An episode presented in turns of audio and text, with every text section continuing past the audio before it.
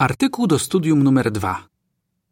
Artykuł ten będzie studiowany w tygodniu od 7 do 13 marca. Ucz się od młodszego brata Jezusa. Werset przewodni.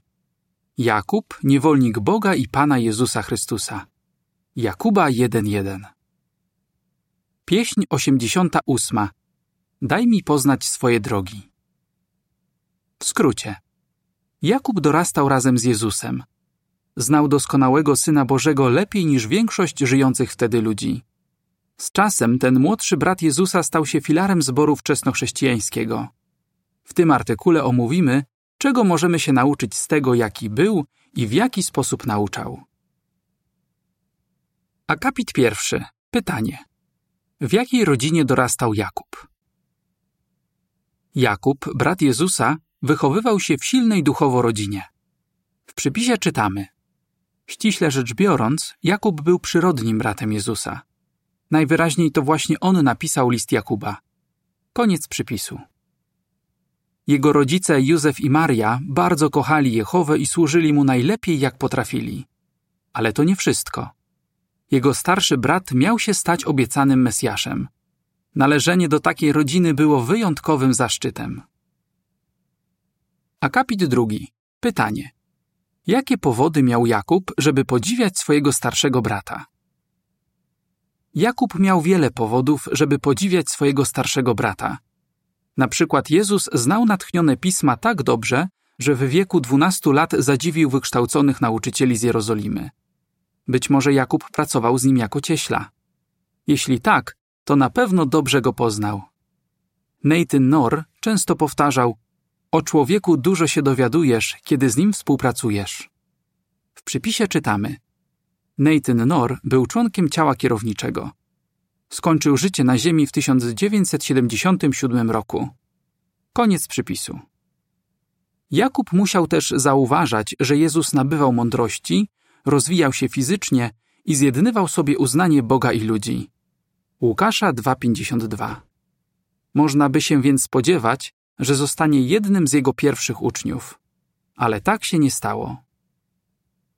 Podpis do ilustracji do akapitu drugiego. Dorastając z Jezusem, Jakub dobrze go poznał. Akapit trzeci. Pytanie. Jaki stosunek Jakub miał do Jezusa w czasie jego ziemskiej służby? W czasie ziemskiej służby Jezusa Jakub nie został jego uczniem. Mógł nawet być wśród jego krewnych, którzy twierdzili, że stracił rozum. Marka 3:21. I nic nie wskazuje na to, że towarzyszył Marii, kiedy Jezus umierał na palu męki. Akapit czwarty. Pytanie. Co teraz omówimy? Później Jakub uwierzył w Jezusa i stał się szanowanym członkiem zboru chrześcijańskiego. W tym artykule omówimy, jaki dał nam przykład pod względem po pierwsze okazywania pokory i po drugie umiejętnego nauczania.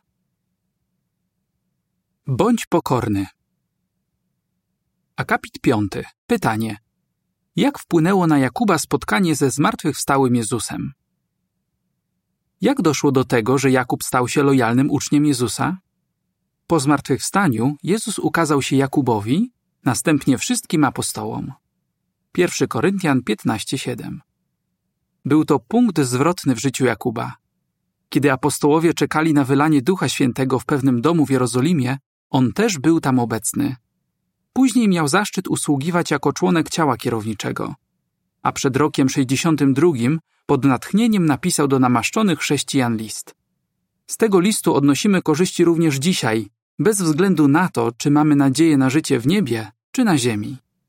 Według żydowskiego historyka Józefa Flawiusza, Jakub został stracony na rozkaz arcykapłana Annasza, syna Annasza.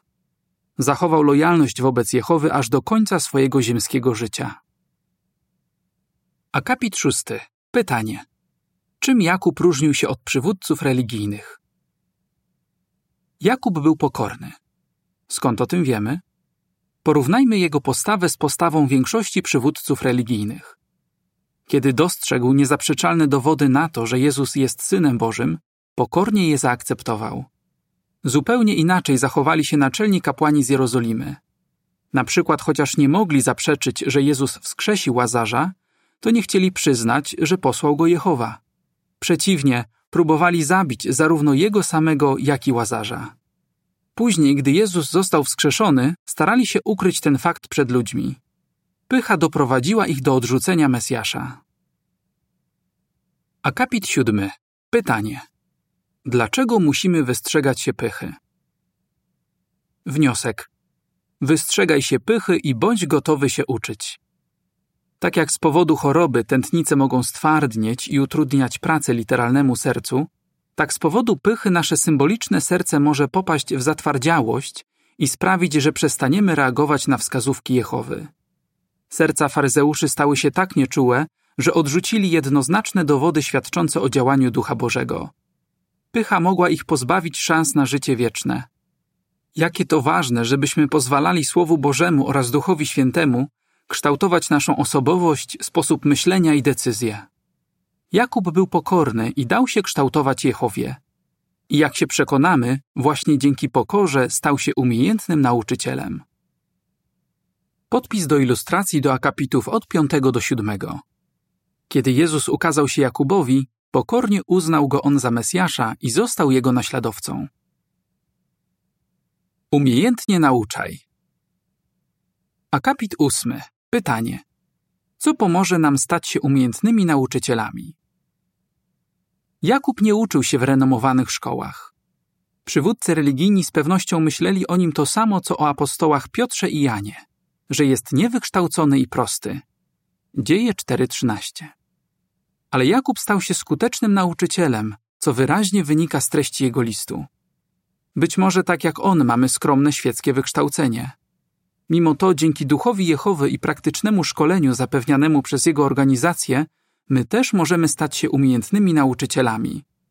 Zastanówmy się, jaki przykład dał nam Jakub pod względem nauczania. Akapit 9. Pytanie. W jaki sposób Jakub nauczał?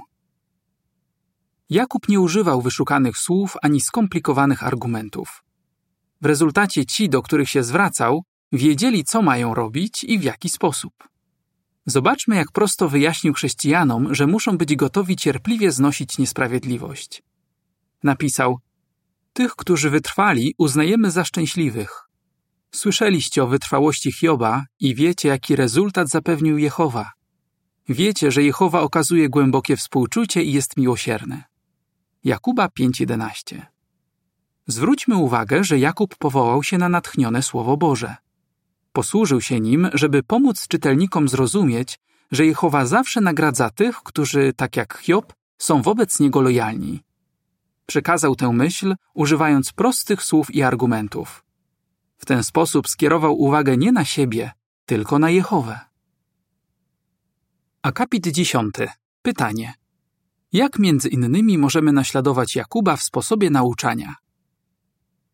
Wniosek.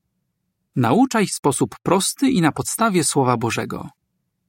Nie chcemy imponować innym swoją wiedzą, ale raczej pokazywać im, jak mądry i troskliwy jest Jehowa. Osiągniemy ten cel, jeśli zawsze będziemy opierać się na Biblii. Na przykład zamiast mówić zainteresowanym, co sami zrobilibyśmy na ich miejscu, powinniśmy uczyć ich analizowania Biblii i wnikania w sposób myślenia i uczucia Jehowy.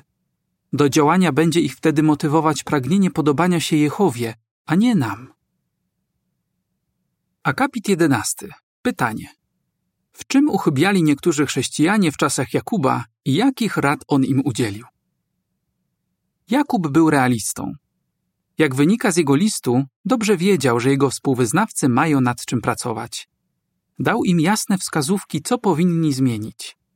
Niektórzy ociągali się z wprowadzaniem rad w życie, inni faworyzowali bogatych, a jeszcze inni nie panowali nad językiem. Chrześcijanie ci poważnie uchybiali, jednak Jakub wierzył, że mogą się zmienić. Udzielił im rad w życzliwy, ale bezpośredni sposób. Zachęcił tych, którzy mieli problemy duchowe, żeby prosili o pomoc starszych. W liście Jakuba 5 od 13 do 15 czytamy: Jeśli ktoś z was znosi trudności, niech się modli. Jeśli ktoś jest w dobrym nastroju, niech śpiewa pieśni pochwalne.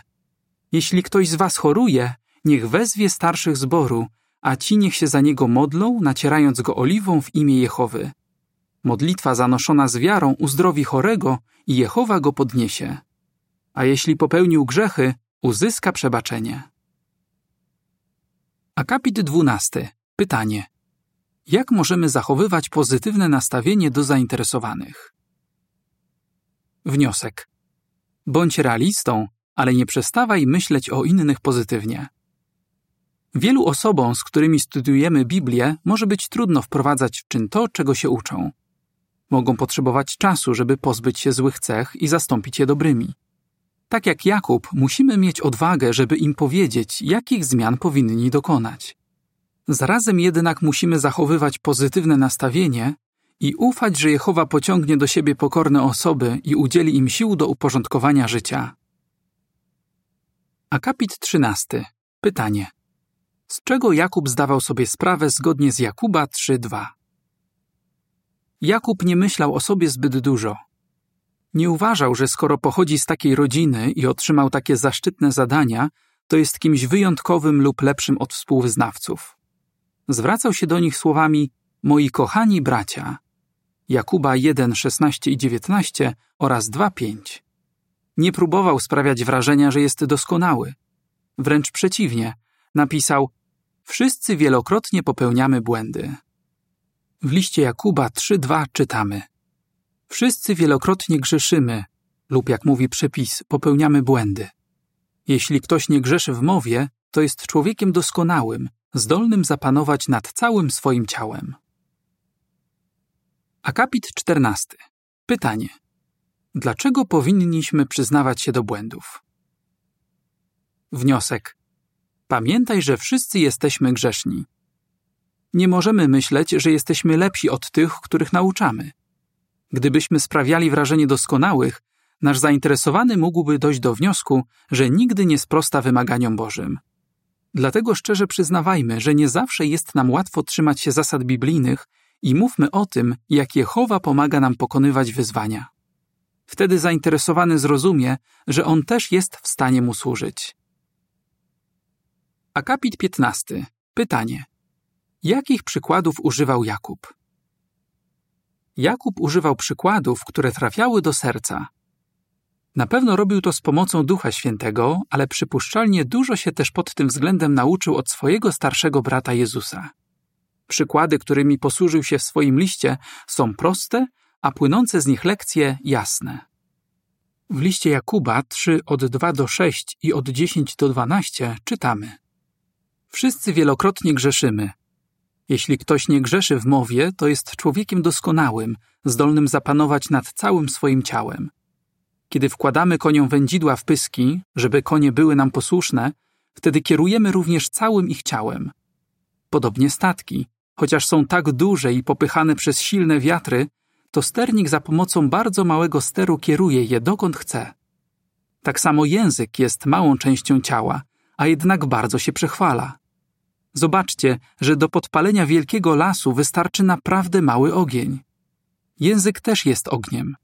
Wśród narządów naszego ciała wyobraża świat nieprawości, bo kala całe ciało i sprawia, że całe życie człowieka staje w ogniu, przy czym sam zapalany jest przez gehennę. Z tych samych ust wychodzi błogosławieństwo i przekleństwo. Moi bracia, nie powinno tak się dziać. Czy z tego samego źródła wypływa woda słodka i gorzka? Moi bracia, czy figowiec może wydawać oliwki, a winorośl figi? Podobnie też słonowodne źródło nie może dawać wody słodkiej. Akapit 16. Pytanie. Dlaczego powinniśmy posługiwać się skutecznymi przykładami? Wniosek. Posługuj się skutecznymi przykładami. Dzięki takim przykładom malujesz w umysłach słuchaczy obrazy. Pomagają im one zapamiętywać ważne prawdy biblijne. Jezus był mistrzem w posługiwaniu się skutecznymi przykładami, a jego brat Jakub go w tym naśladował. Omówmy jeden z przykładów podanych przez Jakuba i zobaczmy, dlaczego jest tak skuteczny. Opis ilustracji do akapitów 15 i 16. Żeby zilustrować niebezpieczeństwa związane z niewłaściwym używaniem języka, Jakub posłużył się przykładem małego ognia, przykładem, który jego czytelnicy mogli łatwo zrozumieć. Podpis do ilustracji. Przykłady Jakuba były proste, jasne i skuteczne. Akapit 17. Pytanie. Dlaczego przykład zapisany w Jakuba 1 od 22 do 25 jest tak skuteczny? W liście Jakuba 1 od 22 do 25 czytamy: Jednak bądźcie nie tylko słuchaczami, ale i wykonawcami słowa, i nie oszukujcie samych siebie fałszywym rozumowaniem. Bo jeśli ktoś słyszy słowo, ale go nie wykonuje, to jest podobny do człowieka, który przygląda się swojej twarzy w lustrze. Przygląda się sobie, po czym odchodzi i natychmiast zapomina, jakim jest człowiekiem.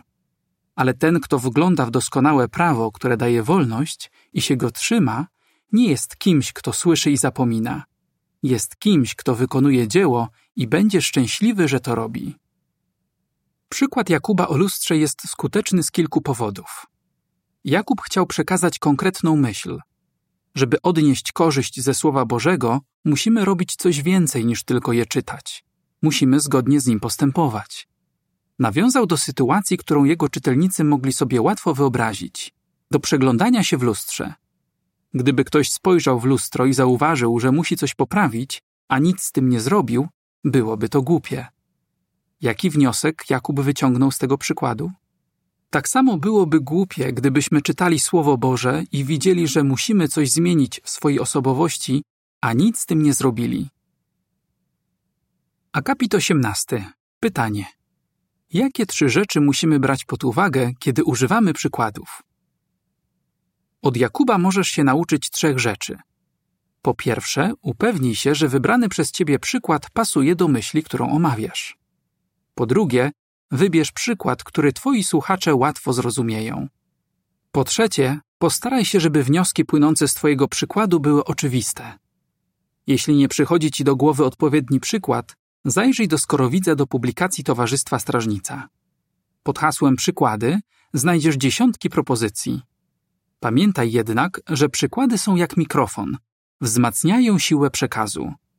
Dlatego używaj ich tylko do uwypuklenia kluczowych myśli. Oczywiście chcemy ulepszać umiejętność nauczania nie po to, żeby zwracać uwagę na siebie, tylko po to, żeby pomóc jak największej liczbie ludzi przyłączyć się do szczęśliwej rodziny Jehowy. Akapit 19. Pytanie. Jak możemy pokazać, że kochamy naszych duchowych braci i siostry? Nie mieliśmy zaszczytu dorastać z doskonałym Synem Bożym tak jak Jakub, ale mamy zaszczyt służyć Jehowie razem z wielką rodziną naszych duchowych braci i sióstr. Okazujemy im miłość, kiedy z nimi przebywamy, uczymy się od nich i współpracujemy z nimi w głoszeniu i nauczaniu. Jeśli staramy się naśladować nastawienie, postępowanie i metody nauczania Jakuba, przynosimy chwałę Jehowie i pomagamy szczerym ludziom przybliżyć się do naszego kochającego niebiańskiego Ojca. Jak byś odpowiedział? Dlaczego musimy być pokorni? Dlaczego powinniśmy nauczać w sposób prosty? Dlaczego powinniśmy się posługiwać skutecznymi przykładami? Pieśń 114. Okazujmy cierpliwość. Koniec artykułu.